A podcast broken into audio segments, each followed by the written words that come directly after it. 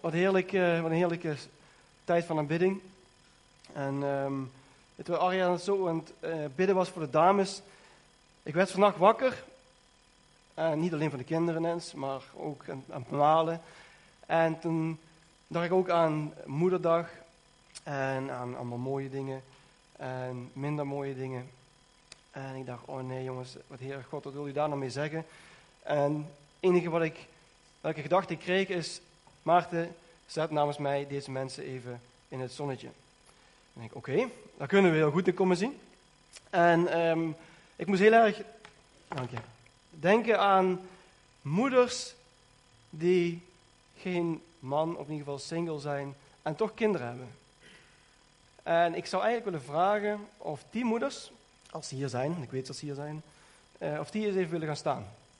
Dus als je, en dat vraagt iets van je kwetsbaarheid, um, maar moeders die er alleen voor staan en alleen kinderen opgroeien. Kijk. Dat is dapper. Dat is echt dapper.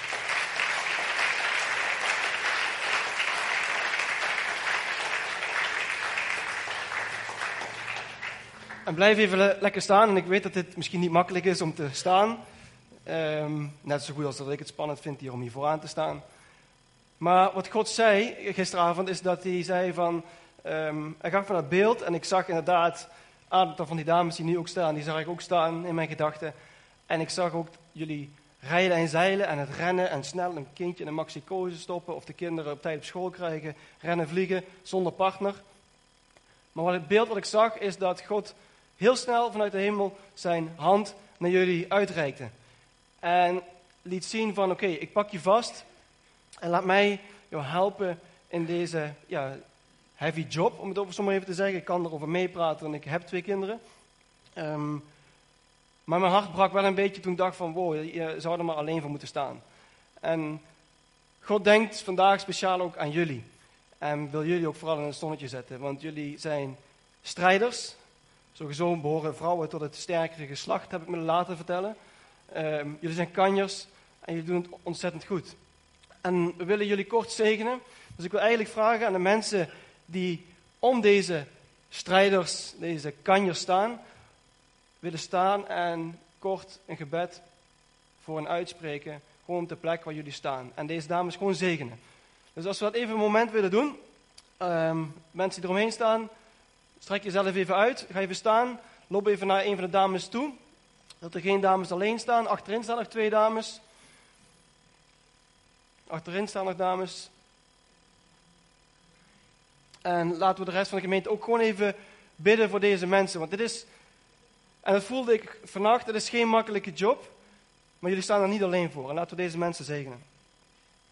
Heer God, Heer, dank u wel, Heer, voor deze dames, Heer.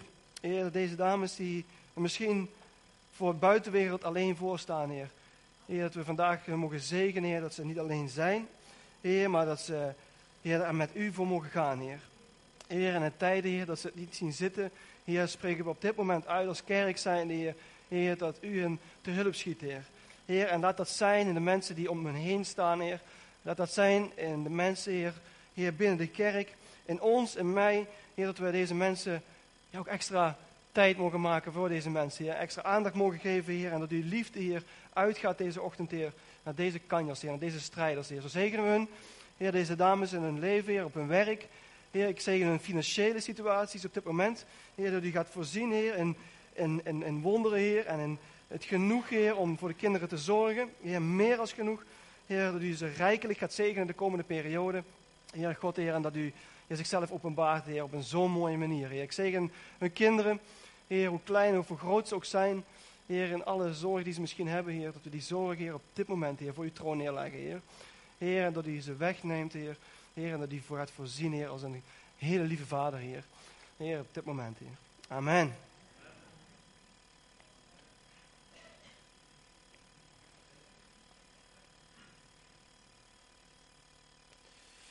Moederdag.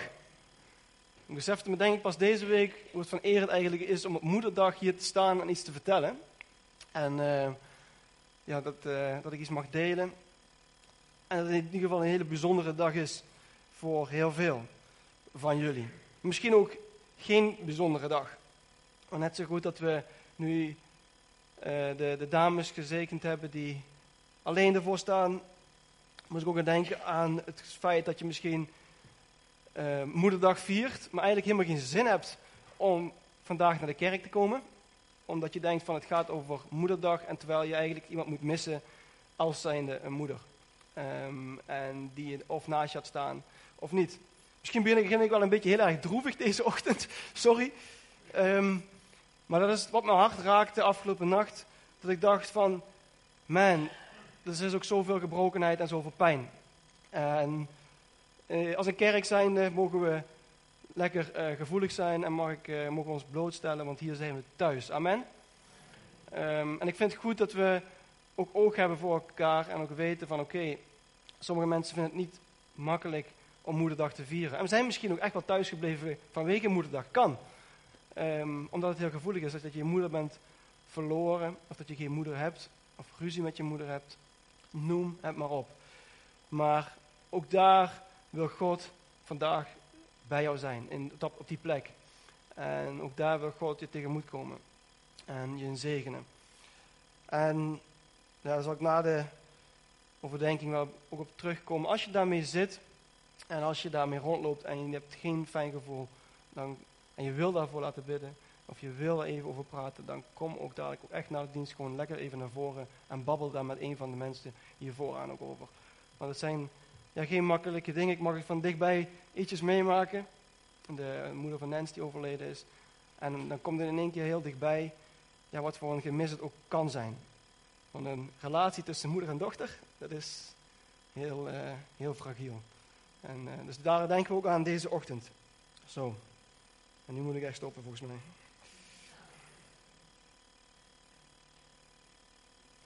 ik heb gemerkt dat zodra je kinderen hebt, dan word je een of ander emotioneel wrak.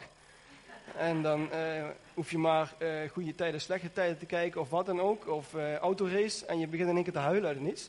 Dus ja, sorry. Krijg je er gratis bij. Goed, ik wil het vanmorgen hebben over... ik heb wat teksten had ik uitge... Hier, voor de dames. Was deze al geweest of niet? Kijk, deze wil ik de vrouwen onder ons wil ik die meegeven. Die heb ik vanmorgen mijn vrouw meegegeven. Maar het is heerlijk om te getuigen of te, mee uit te delen. En ik moest bij deze tekst, lees hem gerust eens even door. Spreuken 31, het laatste vers van Spreuken. Een geweldig zegen voor dames. En er zijn veel sterke vrouwen, maar jij overtreft ze allemaal. En dat zijn de dames die hier allemaal in de zaal zitten. Sterke geloofstrijders en vrouwen van God. Dan had ik er nog eentje. Iets gaat hier fout. Ja. Hij spreekt ook voor zich. En dames, jullie zijn sterke vrouwen. En jullie zijn een zegen voor deze kerk, voor deze gemeente. Als geestelijke moeders. Als moeders voor jullie eigen kinderen. En ehm, ja, wij als mannen, dan vertegenwoordig ik de mannen. Wij, wij zijn trots op jullie, hoe jullie het doen. In jullie gezinnen, maar ook hier in de kerk. Als zijn de geestelijke moeders. Ik ga het hebben over Gods kracht in mijn zwakte. En is een thema dat me eigenlijk een tijd al bezighoudt en mezelf heeft parten gespeeld. Ik was een tijdje aan het lezen en wat boeken en wat preken aan het luisteren. En ik werd eigenlijk een beetje overweldigd door um, alle, al die positieve verhalen. Op iedere bladzijde of op uh, iedere woord was wel van, oh, en als ik op straat loop, dan gebeurt dit en dan gebeurt dat en dan gebeurt zus. En ik had even een fase dat ik dacht van, ja geweldig allemaal om te horen, maar ik ervaar het helemaal niet. Ik ervaar u helemaal niet.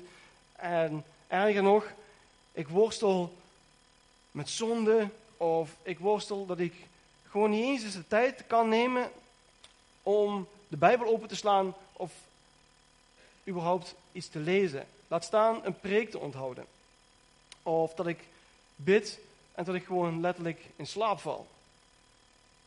Is dat herkenbaar? Ja? Oké, dan zijn we allemaal zondags.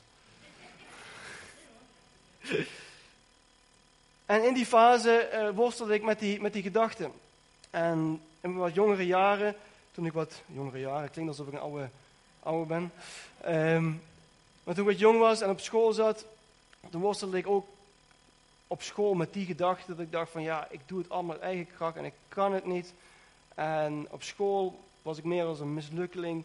Ik haalde ontzettend slechte cijfers. Uh, totdat mijn ouders zich moesten melden of in ieder geval een telefoontje kregen van Maarten gaat het dit jaar niet halen. En dat ik dacht van, oh nee ja. En waar was God op dat moment? En God ervaarde ik totaal niet. En het is dat hij er zelf bij zit. Nicky die uh, wilde vandaag niet naar de zonderschool, dus Nicky, het gaat ook een beetje over jou. Dat wist hij nog niet. Maar Nicky had een paar dagen of een paar weken geleden ook zo'n moment. En geloven jullie dat God door kinderen kan spreken? Ik geloof dat kinderen, denk dat God vaker door kinderen heen spreekt als, uh, als dat wij denken. En alleen de vraag is, horen wij Gods stem daarin? En Nicky had op, op een, bepaalde, paar weken geleden had hij zo'n moment. Uh, dat is hem. Kijk. Stoer, hè? hij is heel stoer. Hij is begonnen met zwemles. En dan moet ik een beetje, een beetje oppassen wat ik ga vertellen, maar niet. En hij vond het heel spannend. Hij vond het heel spannend. En het was ook een beetje spannend, hè? Klopt, hè? En de eerste paar proeflessen gingen niet heel erg goed. Hij had helemaal geen zin. En hij wilde weg, wilde naar huis, wilde naar papa toe. En om een lang verhaal maar kort te maken, is op een gegeven moment, afgelopen week ging het zo goed. We hadden wel een deal gesloten samen tussen vader en zoon. Dat is ook trouwens heel belangrijk, vaders. Af en toe moet je even een geheimpje tussen elkaar houden. We hadden afgesproken, papa die verstopt zich in de douches. Ja, want hij wilde papa en mama niet missen. Papa verstopt zich in de douche. En daar uh, kijk ik soms stiekem om het hoekje en dan steek ik even mijn duim omhoog. Maar goed, als je een belofte maakt, dan kom je ook na. Goed, ik stond dus verstopt in die douches. Uh, mocht niet van de badmeesters, alle ouders moesten weg. Um, ik had me echt verstopt. Ik denk, ja, ik kan niet, het niet doen. Dus ik had me echt verstopt met mijn kleren aan. En om de zoveel tijd keek ik eventjes. Hij was op dat moment niet meer aan het snikken. Dus hij vond het prima. Ik keek wel, volgens mij om de halve minuut keek hij achterom. En een dikke duim omhoog. En stiekem als de badmeester keek, niet keek, dan keek papa. Alleen, dan ging ook nog eens even fout. Want de douches tegenwoordig, die zijn met uh, touchscreen. Dus ik stond in mijn goede kleren, want ik kon even mijn werk af met mijn blouse aan, stond ik zo tegen de douche aan te wachten. En één keer ging de warme douche aan. Dus ik dacht al, hoe ga ik dit dadelijk uitleggen aan die andere ouders en badmeester? Maar goed, ik kon niet weggaan, dus ik bleef staan. Telefoon nat, alles nat. En ik keek af en toe naar achter. En Nicky deed het heel erg goed. Papa was hartstikke nat. Maar dat was ons geheimpje. En na de les vroeg ik aan Nick, zeg Nick, waarom ging het nou zo goed? Ja, papa, jij was in de buurt. En jij was daar. En dat was goed. Ik zei, oké, dat was fijn. Maar ik zei, ik vind het zo knap van je dat je zo lang onder water kon. Want hij mocht zelfs iets voordoen. Hij mocht voordoen, want hij had met papa samen geleerd, dat hij helemaal op de bodem kon staan met zijn handjes omhoog. En dan kon hij al 18 seconden onder water staan. Had hij zelf geleerd. En toen liep hij naar de auto en toen zei ik van, oh, toen zei ik niks. Maar hij zei op een gegeven moment, papa, ik moet je nog iets vertellen. Ik zeg, oh, vertel. Ik heb ook stiekem even gebeden. Ik zeg, oh, oh ja, dat was er ook nog, dacht ik bij mezelf. En denk, uh, ja, wat heb je dan gebeden? Nou, ik heb gewoon gebeden, God, ik kan het. Ik zeg, en hielp dat? Ja, dat hielp. en dan vond ik wel een mooi, dus even een applausje voor Nick.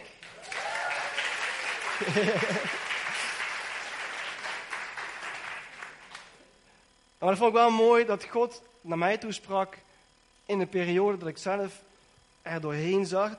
En dat ik dacht van Heer, en ik dacht niet eens als Heer, maar dat ik op mijn eigen kracht aan het proberen was, of op mijn werk, of in de kerk, te vechten tegen omstandigheden waar ik niet tegen kon vechten. Of dat God eigenlijk zelf zei, maar hier hoef jij helemaal niet voor te vechten. En waar ik in ervaarde dat ik mezelf zo zwak voelde op het gebied van dat ik misschien niet goed onderlegd was in bepaalde zaken of dat ik ergens mee worstelde. En op dat moment merkte ik zo dat God door Nick heen sprak. En ik zat in de auto en we reden naar huis. En hij was het misschien al lang vergeten. Maar die woorden die bleven door mijn hoofd malen. Op mijn werk ook. Dat ik iedere keer dacht van, ja heer, ik betrek u op dit moment gewoon niet.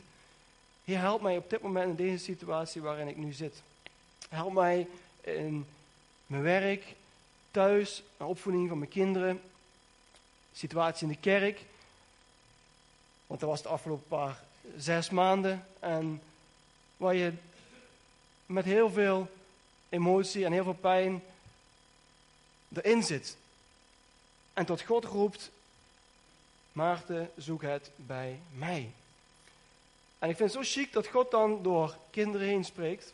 En kinderen gebruikt, of mensen naast me in de gemeente gebruikt.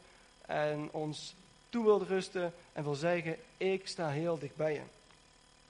Ik sta heel dicht bij je. Arjan, het is je niet gelukt, want hij spreekt nog steeds er vanaf. Maar maakt niet uit. Het lukt wel. En zelf heb ik die, die situaties op school ook al meegemaakt. Dat ik dacht van, oh crap, ik, dit lukt me totaal niet. En we hebben hier ook wat jeugd onder ons zitten. En ik zat op de middelbare school. En ik dacht echt van, dit ga ik nooit redden. Voor gemiddeld een uh, vier, volgens mij zelfs. Een vier voor Duits. Uh, en um, ja, je zou het niet denken. Hij had nog geen relatie met Nancy. Wacht, wacht. Um, een vier voor Duits. Wiskunde was ik bar slecht in. Economie, scheikunde. Ik vond er ook allemaal niks aan. Want ik dacht van, waar heb ik het voor nodig überhaupt? Ik denk als ik later een beroep heb. Wat moet ik met, weet ik het, de wortel van zoveel, zoveel? Dat denk ik trouwens nog steeds, maar goed. Andere discussie. En de leraren die wilden dus een gesprek met mijn ouders hebben, want ze zeiden, Maarten gaat niet overkomen en zal een niveau lager moeten. Niks mis daarmee. Maar ik dacht van, oei, hoe ga ik dit rechttrekken? En op dat moment kwam door de jeugdleiders eigenlijk van de kerk, hè, want ook daar even de zegen naartoe. God gebruikt jeugdleiders die echt een dikke relatie hebben met hun jeugd. En er komt net eentje binnen, dag Marijke.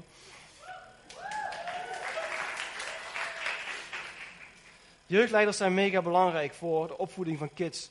Als ik zie wat ze in mijn leven hebben gedaan en mij hebben geholpen om God te zoeken in situaties dat ik het zelf niet meer zag zitten, is onmisbaar. Dus laten we de jeugdleiders ook gewoon lekker zegenen. Um, en we hadden een thema, en dat was het thema was, What would Jesus do? En we kregen daar zo'n uh, zo'n armbandje van. En toen zei Mirjam, dat was Mirjam Schenkel, die, die, zei, die vertelde daar iets bij, want ik deelde dat ik eigenlijk um, um, ja, moest blijven zitten en niet overkwam dat ik zo slechte cijfers had. Ik kon niet goed leren, ik had angstaanvallen daardoor, nachtmerries, um, durfde niet meer naar school te gaan, ging stiekem thuis pauzeren, of in ieder geval niet uh, op school zelf. Was geen leuke, uh, geen leuke periode. En toen zei Mirjam, Maarten, weet je wat je moet doen? Ik geef je een tip. Iedere keer als de schoolbel gaat, dan doe je in jezelf God aanroepen en God zeggen, Heer, de volgende les. Heer, help me, geef me wijsheid, geef me uh, alles wat ik nodig heb om het op te nemen, te begrijpen. En ik dacht echt van, ja, wat gaat dat nou helpen? Want ik was natuurlijk slim genoeg om in ieder geval te denken, oké, leuk, maar uiteindelijk als ik thuis zit moet ik het toch zelf gaan leren. Um, dus het komt niet in één keer in me. Maar toch ging ik het doen. En iedere keer als de schoolbel ging, zo'n zo, zo, heerlijke, irritante zoemer, als dat ding nog worden, dan denk ik aan die periode, ook niet leuk. Maar goed, als die zoemer ging, dacht ik van, oh ja, even een schietgebedje. En het begin vergaat nog wel een paar keer, maar op een gegeven moment wordt dat gewoonte. En ik bad tot God en zei van, oké Heer, help me in mijn zwakte op dit moment. Heer, dat ik ga nu die ontzettend vervelende uh, scheikundeles in. Ik snapte geen drol van. En wiskunde en economie vond ik nog erger. Heer, help me op dit moment. En dat deed ik gewoon heel simpel. Klein gebed en ik ging de les in. Les werd daardoor niet leuker. Um, maar wat er veranderde, want het was ongeveer de helft van het jaar, wat er veranderde is twee dingen. A, mijn cijfers gingen omhoog, op een wonderbaarlijke manier. En het tweede was dat ik een relatie kreeg met de mooiste vrouw hier op aarde. En dat was Nens. Daar had ik niet voor gebeden trouwens. En mijn Duitscijfer ging in één keer naar een 8,9 volgens mij zelfs. Hey, mocht je achterliggen op Duits en je hebt nog geen relatie, dan zou ik zeggen, ga eens over de grens kijken. Mijn cijfers gingen omhoog en um, echt op een wonderbaarlijke manier uh, slaagde ik, weet ik het, ging ik over met vlag en wimpel. De, de, hoe noem je zo eentje, het hoofd van, uh, van, de, van, de, van die, weet ik het, wat kinderen allemaal, van die leraren. Um, die zei ook van, dat, dit, kan niet. Hij is gewoon ontzettend lui geweest de afgelopen jaar en heeft gewoon geen bal gedaan om, dus het is puur luiheid geweest. Zo zeiden, zo zeiden ze net ook, hè. Maar goed, ik had het wel gedeeld met mijn, mijn ouders en die zeiden van, nee, dat is God geweest. Dit is God geweest. En voor mij als kind was dat wel echt een mega eh, ervaring om God te ervaren. En ik heb God daar echt in uitgedaagd in die periode van mijn zwakheid. En wat is het chique als je God uitdaagt? Wat gebeurt er dan?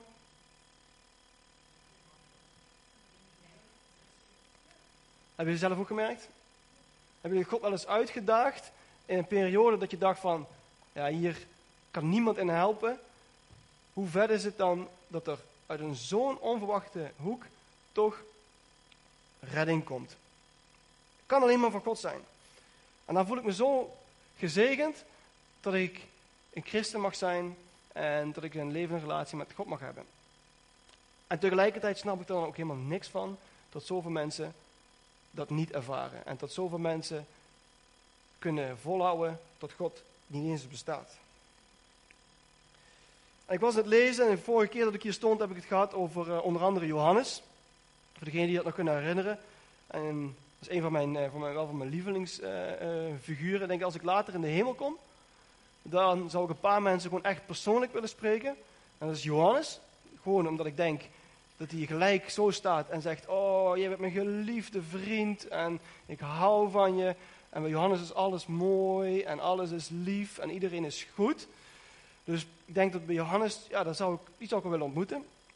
Daarna zou ik David wel erg willen ontmoeten. Ik denk dat ik wel een heel gesprek met David zou willen hebben, die ondanks zijn zwakte, kijk naar het voorbeeld dat hij uh, daar op het balkon stond en voor een vrouw koos en uh, de fout inging. En na een periode daar mega spijt van had en God daarin zocht. Een man eigenlijk zoals ik, zoals u. Uh, en zo heeft u misschien een hele andere Bijbelfiguur dat je denkt van, nou, dat is echt een voorbeeld voor mij. Ja, die zou ik wel willen ontmoeten. En ik was zo na Johannes verder aan het lezen naar de brieven van Korinthe. En het gaat over Paulus. En Paulus is eigenlijk eentje die ik dacht van, nou, die wil ik helemaal niet ontmoeten in de kerk, of eh, in de hemel. Want ik denk als Paulus tegenkomt, dat hij naar me toe komt en zegt van, oké Maarten, hoeveel gemeentes heb je gesticht? Hoeveel mensen heb je tot God gebracht? Hoeveel van dit? Hoeveel van zus? En had ik een beetje een, een, een smaakje over. Onterecht, onterecht. En ik ging de brieven van Korinthe lezen en het zijn echt geweldige brieven. En ook de vrienden van Paulus, als je de brieven van Timotheus leest en zijn leven en Apollos en, noem het allemaal maar op, um, aanraden om te, om te lezen. Het gaat over kerk zijn en hoe we omgaan met elkaar. Het heeft mij afgelopen periode ook echt gewoon geholpen in mijn relatie met God. En Paulus, die. Verhaal van Paulus, Paulus die, ging, eh, die reisde heel veel. Hè, voor degenen die Paulus niet kenden, reisde heel veel en uh, ging gemeentes ondersteunen. En daar waar nodig is, daar kwam hij langs. Of hij stuurde Timotheus uh, naartoe, of anders van zijn, van zijn, van zijn vrienden. Um, en had de gemeentes een, een warm hart toe. En ik dacht echt altijd, dit is zo'n geloofsheld. echt een, een, een strijder, hè, want andere keerzijde van Paulus is dat hij juist andere dingen deed als alleen maar christen, uh, christendom uh, helpen. Um, um, dus ik dacht echt dat het wel eens een, een echte ja, warrior, een echte strijder was. Maar ik had het niet zo met, met Paulus. Ik denk, die, die, die stelt me de kritische vragen. En ik denk, die is me te perfect. En eigenlijk, ik heb aardig wat teksten opgeschreven en die komen zo ook langs. Um, en ik probeer ze wat sneller doorheen te gaan, want ik ben me wel bewust dat het misschien veel tekst is. Uh, maar eigenlijk het enige wat ik wil doen vandaag is naar het leven van Paulus kijken en wat teksten aan, aanhalen uit zijn leven om hem als getuige te gebruiken eigenlijk voor, onze, voor ons leven, gezondheid. En de eerste tekst die ik heb is in 1 Korinthe 1 vers 26. Vrienden, God heeft jullie uitgekozen. Denk eens terug aan het moment dat jullie gingen geloven. Jullie waren toen uh, geen belangrijke mensen. Jullie vielen niet op door jullie wijsheid. En jullie waren ook niet machtig of rijk. Maar God heeft juist mensen uitgekozen die in deze wereld dom of zwak genoemd worden. En zo heeft God de wijsheid en de kracht van mensen belachelijk gemaakt. God heeft mensen uitgekozen die onbelangrijk zijn en niets voorstellen. En voor wie niemand respect heeft. En daarmee maakte hij een eind aan alles wat in deze wereld belangrijk is. Oké, confronterend. Waarom? Dus heeft kennelijk, heeft God dus een beeld van ons, dacht ik hier na deze tekst van, oké, ik dacht dat hij zo ontzettend van ons hield en zo, zo bijzonder vond. En in 1 Korinthe 2 vers 2, daar staat, ik wilde jullie alleen maar vertellen over Jezus Christus en over zijn dood aan het kruis. Ik kwam niet als iemand die trots is op zichzelf, ik was juist zwak en bang. En ik las hier eigenlijk heel snel overheen. Totdat ik hem terug ging pakken en dacht, wacht wat zegt Paulus hier eigenlijk? De persoon dat ik dacht van, de alleskunner, de grote Paulus, die gemeente stichtte, die rondreisde, um, op dat gebied qua gemeentestichting en, en, en geloofsheld ook voor mij is. Die zegt, ik was juist zwak en bang. En ik denk dat hier een sleutel ligt voor christen zijn. Ik denk dat dit het geheim is ook van christen zijn. Want hier stelt Paulus zich kwetsbaar op en geeft aan dat hij kennelijk een erge zwakte is en zelfs bang was. En in 2 Korinthe 4 vers 7, de volgende staat, het goede nieuws is een kostbare schat. En ik ben de breekbare kruik waar die schat in bewaard wordt. Dat is goed, want daardoor is het duidelijk dat de enorme kracht van het goede nieuws niet van mij komt, maar van God. Ik zal even moeten uitleggen wat dit over gaat, want dit heeft een diepere betekenis. 2 Korinthe 4 vers 7. Het gaat hier over breekbare kruiken, kapotte kruiken.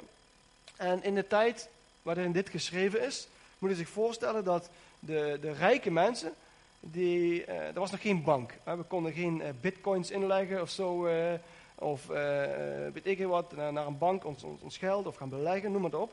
De rijken die hadden dus gewoon letterlijk hun goud en zilver hadden ze allemaal thuis. Alleen, waar ga je dat verstoppen? Er was ook geen kluis. Um, dus die verstopte dat in hele mooie vazen.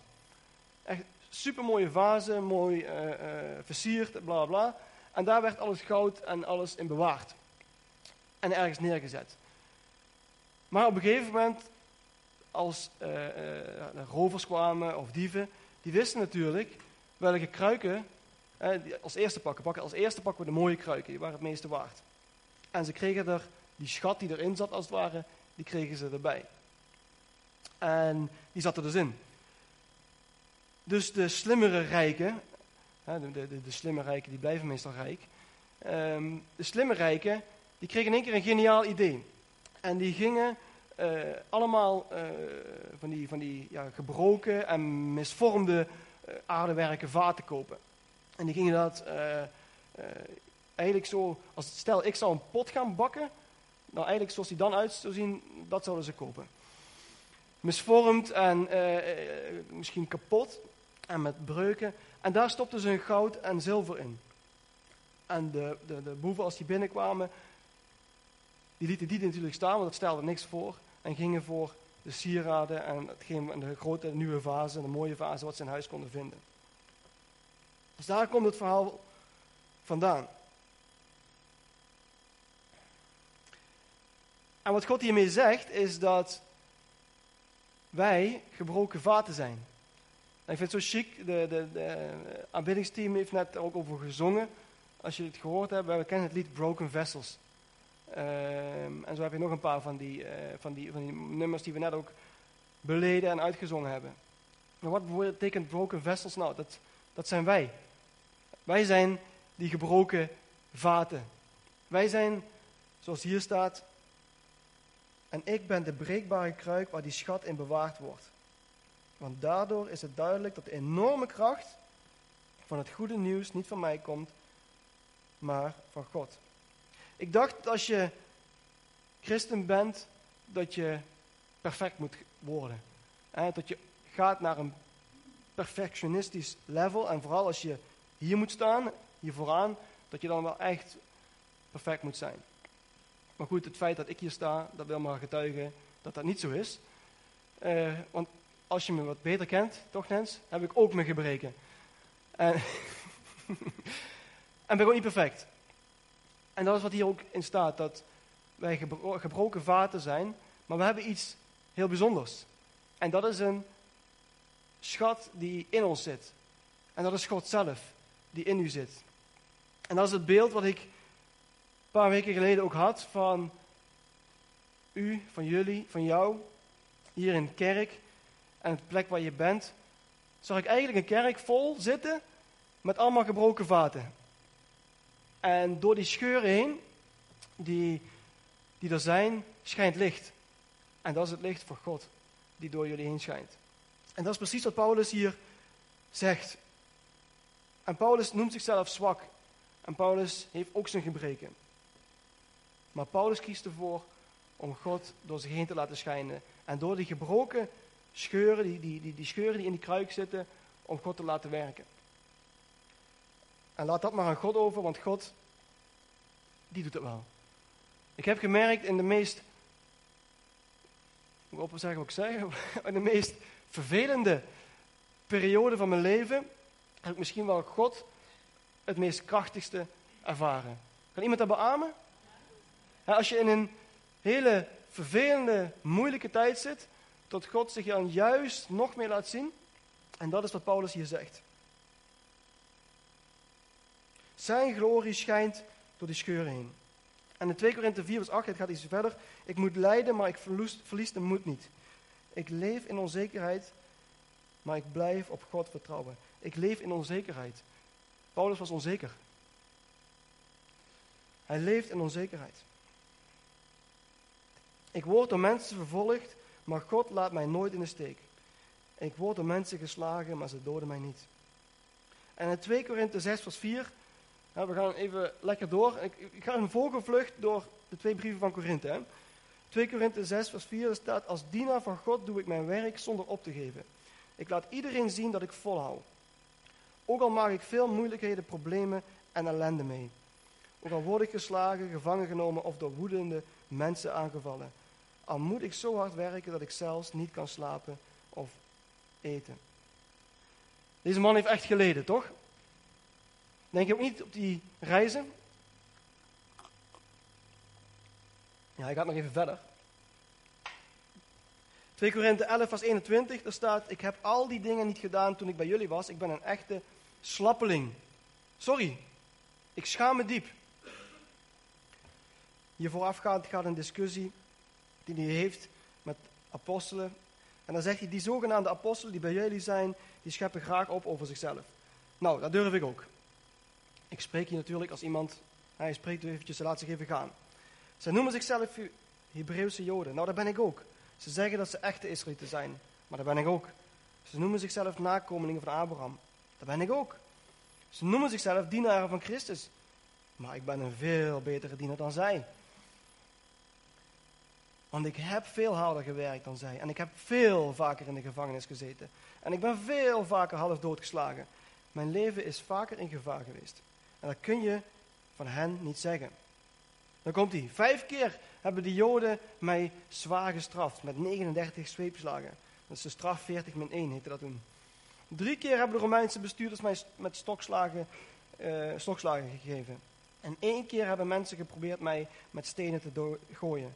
Drie keer zat ik op een schip dat zonk en ben ik bijna verdronken. Drie keer. Ik denk dat ik na de eerste keer al niet meer zou gaan varen. Toch? Ik zou de bus genomen hebben. Drie keer. Hoe, hoe, hoe kan je. Maar goed.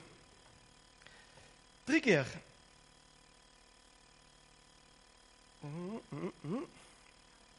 Drie keer, daar. En één keer heb ik zelfs 24 uur lang in zee gedreven. De vele reizen die ik maak zijn vol gevaren. Er zijn gevaarlijke rivieren en er kunnen onderweg rovers zijn. Telkens zijn er mensen die mij kwaad willen doen. Joden en niet-Joden. En overal ben ik in gevaar. In de steden, en in de woestijn en op zee. En dan, zou, en dan zijn er ook nog zogenaamde christenen die mij bedreigen. Ik heb gewerkt zo hard als ik kon. En vaker zonder te slapen en zonder te eten.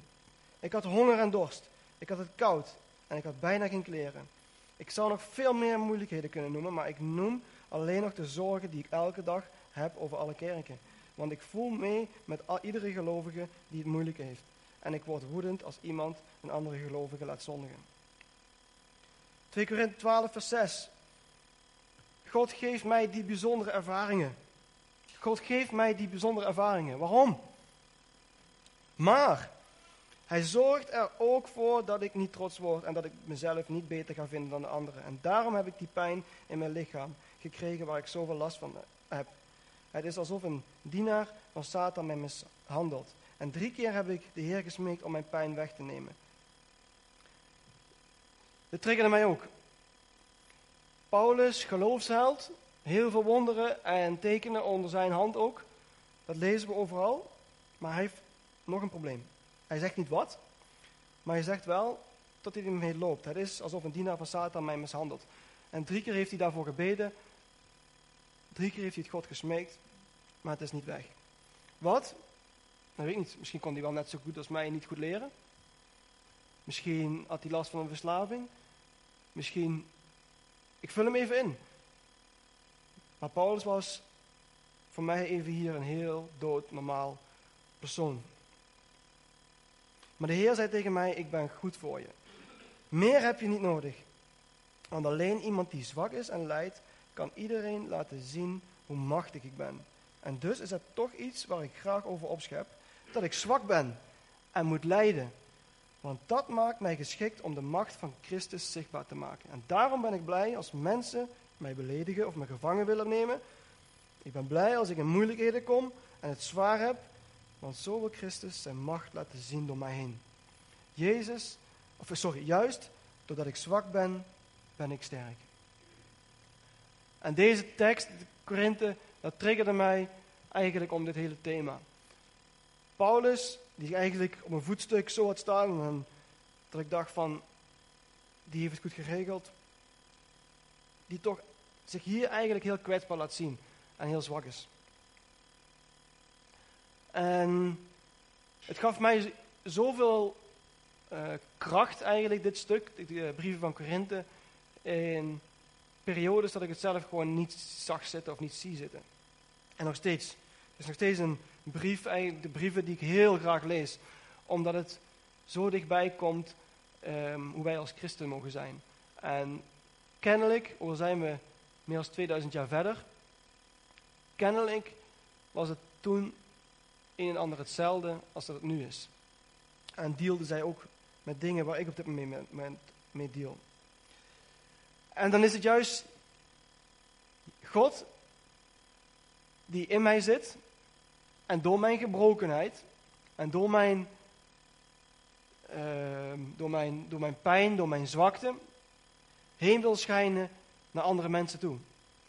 En dat is waar ik eigenlijk iedere keer zo versteld van sta dat God door ons heen wil werken, ondanks dat het misschien niet lekker in ons vel zit op dit moment. Ondanks dat ik misschien nu op dit moment een burn-out heb of een angstaanvallen of dat ik last heb van een verslaving of niet eens de Bijbel kan lezen en iedere keer weer uh, het vergeet of de preek van vorige week niet eens kan onthouden. Laat staan elke dag bidden. Misschien heb je wel moeite om te getuigen dat je christen bent. Of misschien vind je wel ontzettend moeilijk om mensen lief te hebben die je heel erg pijn hebben gedaan. Of misschien heb je wel last van ziekte en pijn waarin je God eigenlijk iets kwalijk neemt.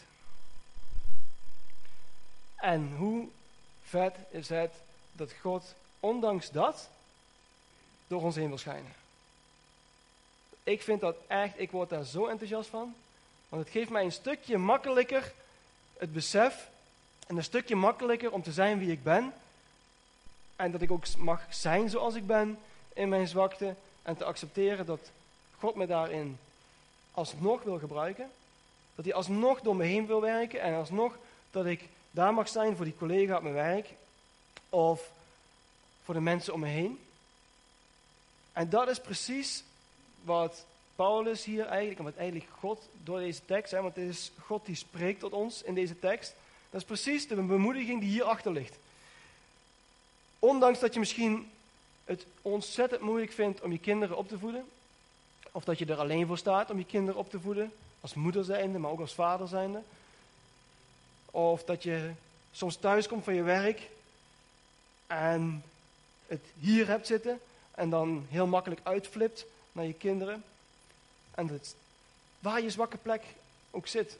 Maar God wil, ondanks dat, wil die jou gebruiken. En dat vind ik, kant vind ik dat vreemd en raar. Want ik heb een beeld van me, hè, dat je dan niet perfect bent. Maar het beeld wat ik had is dat een religie, die streeft misschien naar perfectionisme. Maar weet je wat vet is? Dat is echt vet. Een gezin, dat viert de processen in het gezin. En dat is wat God wilt. Hij streeft niet naar een perfectionisme. Hij streeft naar gezin zijn. We zijn zijn kind. En zoals ik met mijn kinderen en met mijn vrouw de processen in ons eigen gezin vier, zodat ik Nick vier als die zo goed gezwommen heeft, want hij kreeg daarna een heerlijke verrassing in de winkel. Of als we iets leren en de processen in ons gezin, dat we die mogen vieren, zo is ook echt God een vader voor ons die de processen wil vieren met ons. En als wij met hem wandelen, en ook dat is een leugen, hè, dat we denken, ehm, bijvoorbeeld om hier te staan, moet je een bepaalde uh, niveau behaald hebben. Ik zeg het maar even heel makkelijk. Ehm, maar ik ben niet minder zondig dan wie dan ook, hè? Uh, of, wie die, of wie dan ook. Maar God die wil ons eigenlijk, het moment dat we voor Hem kiezen, het moment dat we ja zeggen tegen Jezus, op dat moment, dan wil Hij al gebruiken. En onderweg werkt Hij aan onze zwaktes en werkt Hij aan onze kreukels, aan onze scheuren in onze vaten. En hij viert ieder proces waar we doorheen gaan. Ik zat in een proces en waarin ik last had van, uh, van leugens in mijn hoofd en van verslaving. En ik was volgens mij 16 jaar of zo. En ik was vakkenvuller. En volgens mij heb ik het een keer verteld. Ik was vakkenvuller bij de C1000. Toen bestond hij nog. Daarvoor was het ANP. Leuk. En ik was groenteman en ik stond uh, om zeven uur s morgens stond ik de, de, uh, de appels bij te vullen. En ik was eigenlijk continu in gebed, want ik voelde me totaal niet lekker in mijn vel. Ik voelde me schuldig, ik had gezondigd, kwam er niet vanaf. En ik ervaarde God echt never, niks, nada, nul. Helemaal niet. En de enige plek waar ik dat een, beetje kon beleiden was als ik morgens om zaterdag om half zeven begon met werken, met appels te vullen voordat alle mensen, alle oudjes wilde ik zeggen, alle, alle klanten al om uh, een half uur van tevoren al voor de deur stonden alsof ze niks anders te doen hadden. Maar goed, en uh, stond ik daar te werken. En dit is waar gebeurd. En ik heb, niet, ik heb hem volgens mij één keer verteld en meer nooit. Maar op dat moment zag ik het echt niet meer zitten. En ik zei tegen God, Heer, als u bestaat, en als u echt bestaat, Heer, laat uw kracht dan maar nu zien. En laat maar een aardbeving komen of zo. Doe maar. En ik was echt klaar mee. En ja, het is een heel raar iets. Je kan tot de datum kan je het nakijken namelijk. Op dat moment kwam er een aardbeving hier in Zuid-Limburg. En de winkel was nog dicht. We waren met drie man in de winkel, mijn chef, andere teamleider en ik. En het begon te beven. Alle haren stonden bij mij recht overeind. Toen dacht ik van, shit, wat heb ik gedaan? Achter mij vielen ehm, eh, ja, een stuk of dertig wijnglazen, of eh, flessen, vielen zo de gangen. Dat was echt beangstigend, was echt beangstigend. Maar ik stond echt, ik kon het niet meer delen. Ik stond met die appels in mijn handen. Shit. En ik voelde me zo klein worden ten opzichte van God, dat ik dacht van, oh, wat heb ik gezegd? Wat heb ik gezegd? Ik, ik, ik, kon het niet uitleggen. En ik heb het toen alleen met Nens gedeeld, want ik vond het ook super eng om het überhaupt te delen. En ik denk, oh shit. Heer, sorry. Sorry dat ik überhaupt, maar dan ook maar überhaupt getwijfeld heb aan dat u bestaat. Ik was daar een jaar of 16 en dat, ja, dat vergeet je dus nooit meer. Soms vergeet je het wel eens, maar dat komt echt wel in je, in je naar boven. En terwijl ik dus die, al die wijnen, de winkel die stonk een uur in de wind, want overal lag alcohol en weet ik wat. En uh, ja, dat, dat is een happening. Maar in de periode dat ik me zo zwak voelde en dat ik me zo klein voelde en eigenlijk helemaal geen christen voelde, staat God gewoon te smeken en te roepen van, laat me je gebruiken. Ik wil zo graag tijdens je opvoeding, als je misschien alleen staat met je kinderen, of als je mot hebt met iemand, of welke zwakte, vul je eigen, vul je eigen maar in. Maar ik wil mezelf zo graag laten zien. En ik wil in die vaten, hè, want we zijn allemaal die gebroken vaten, wil ik zo doorheen schijnen. En wil ik, je, wil ik gewoon de wereld gaan veranderen. En daarin zijn wij wereldveranderaars. Amen.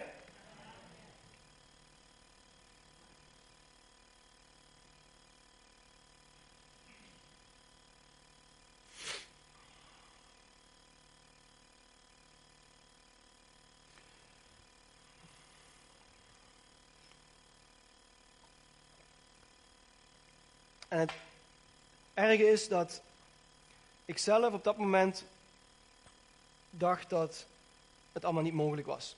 Dat het niet mogelijk was dat God door mij heen zou werken. En heb ik die momenten nu niet meer? Jawel, die heb ik nu ook. Maak ik nu fouten? Hip. Soms berenspijt, hoe ik misschien soms wat dingen in de opvoeding doe. Of misschien een opmerking of makkelijk meepraat met collega's of een andere collega. Noem maar op of woorden die ik uitspreek, dat ik niet bemoedigend aan het praten ben over anderen, maar juist veroordelend aan het praten ben. Maar ondanks al die krep van mezelf, zegt God, onderweg Maarten ga ik eraan werken. Onderweg werk ik aan je. Maar op dit moment wil ik je gebruiken op de plek waar je nu staat in je leven. En is dat op je werk, in je gezin, hier in de kerk, een zegen te zijn voor degene die op dit moment naast je zit. Dat is hoe God wil werken. En dat is ook de boodschap die hij deze ochtend heeft. Hij wil schijnen door jullie heen. En het beeld wat ik dus een tijdje geleden had, was een commerciekerk hier voor me, met allemaal gebroken vaten. En ik denk, wat is dit voor een raar beeld? En na dit verhaal dacht ik van, ja, dit is wat hij wil zeggen. Wij zijn allemaal gebroken vaten. Maar iedereen die hier zit, ja, jij ook en jij ook, die wil, dat wil God wil jou gebruiken. En dat maakt niet uit waar je zit en, en, en, en hoe je je voelt. Maar God wil je gebruiken. En hij roept vanmorgen echt van laat me je gebruiken. Ik wil schijnen door die scheuren in jou heen. En het erge is dat misschien wel de meeste of meerdere van jullie denken dat dat juist niet mogelijk is. En denken van wie ben ik? En die leugen die wil ik in Jezus' naam morgen deze leugen echt verbreken. Want dat is echt een leugen. God wil jullie gebruiken. En je hoeft niet super heilig te zijn of super spiritueel. Je hoeft alleen maar open te staan voor Hem. En aan te geven, Heer, ik sta open voor U. En Hij wil je daar ontmoeten. En dat is hoe God vanmorgen wil spreken. En wat mij echt geraakt heeft en mij geholpen heeft. En uh, misschien wil de, de band alvast naar voren komen. Een hele band van drie personen. En het mooie vond ik dat de, de nummers ook echt spraken. Omdat het wel een, uh, een bijzondere dag is en het is moederdag. En dat is echt een bijzondere dag. Jongens, kom op. tot vanavond de zon ondergaat, zetten we onze vrouwen in het zonnetje. Maar ondanks, misschien heb je wel problemen thuis, opvoeding. En nogmaals, we hebben net gepraat, of gebeden ook voor de single moeders. En hetgeen wat mij ook echt raakt, ik mocht van dichtbij meemaken bij, uh, bij Maaike. Die daar ook af en toe helemaal alleen voor staat met haar twee kinderen. Man, wat heb ik respect voor die dames. En dat meen ik echt uit mijn hart. Omdat ik kan meepraten hoe moeilijk ik het soms al vind. Terwijl ik eigenlijk af en toe ook gewoon daarnaast sta en zo'n kei hardwerkende vrouw heb die het allemaal heel goed regelt. Maar stel je staat er alleen voor. God wil je daarbij helpen. En dan, tuurlijk maken we daar wel eens fouten. En natuurlijk doe ik het soms niet goed in mijn opvoeding. En of je nou man of vrouw bent, maar God wil ons gebruiken.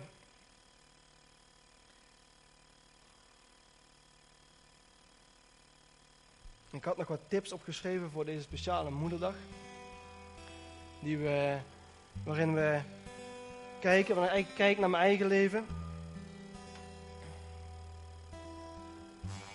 En één ding waar we het laatst een beetje over hadden, Nens en ik, is dat het zo belangrijk is om eigenlijk God nu al te laten zien en, uh, door ons heen naar onze kinderen. En thuis proberen altijd een liefdevolle en blije thuisfront te hebben. Waarin kinderen gewoon heel graag thuiskomen. En waarin ze God mogen zien door ons heen. En dat is niet alleen in ons gezin, maar dat is ook hier in de kerk. Amen. Dat we ook hier geestelijke vaders en moeders mogen zijn. En heel bijzonder, en misschien moeten we daar wel in zoeken en daar ik je in uit, dat je de komende periode ook voor moeders, om het dan maar even te zeggen, af en toe even een zegen mag zijn. En of het nou je eigen vrouw is, of dat we misschien een keer een uurtje oppassen. En ik weet hoe makkelijk het, of hoe fijn het is als Nens even een uurtje alleen weg kan. En even kan zeggen van oké Maarten, nou mag jij het heel even overnemen. En dat ze even wat voor zichzelf mag gaan doen. Is dat herkenbaar dames? Ja? Eventjes wat alleen doen. Laten we daar ook de komende tijd en de komende periode ja, aan denken aan de moeders. En vooral de moeders die misschien alleen staan. Of de mensen die een raar gevoel hebben deze ochtend. Laten we gaan staan.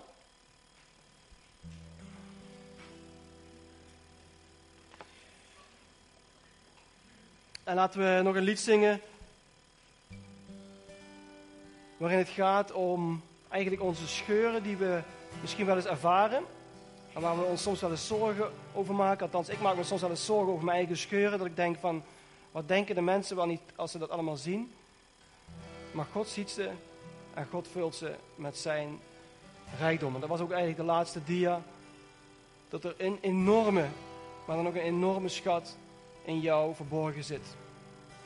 En God wil vandaag tegen jou zeggen, die schat, die gebruik ik en die wil ik laten schijnen. En daar ga ik andere mensen mee bemoedigen en jou mee helpen. Laten we een lied zingen en God daarin danken.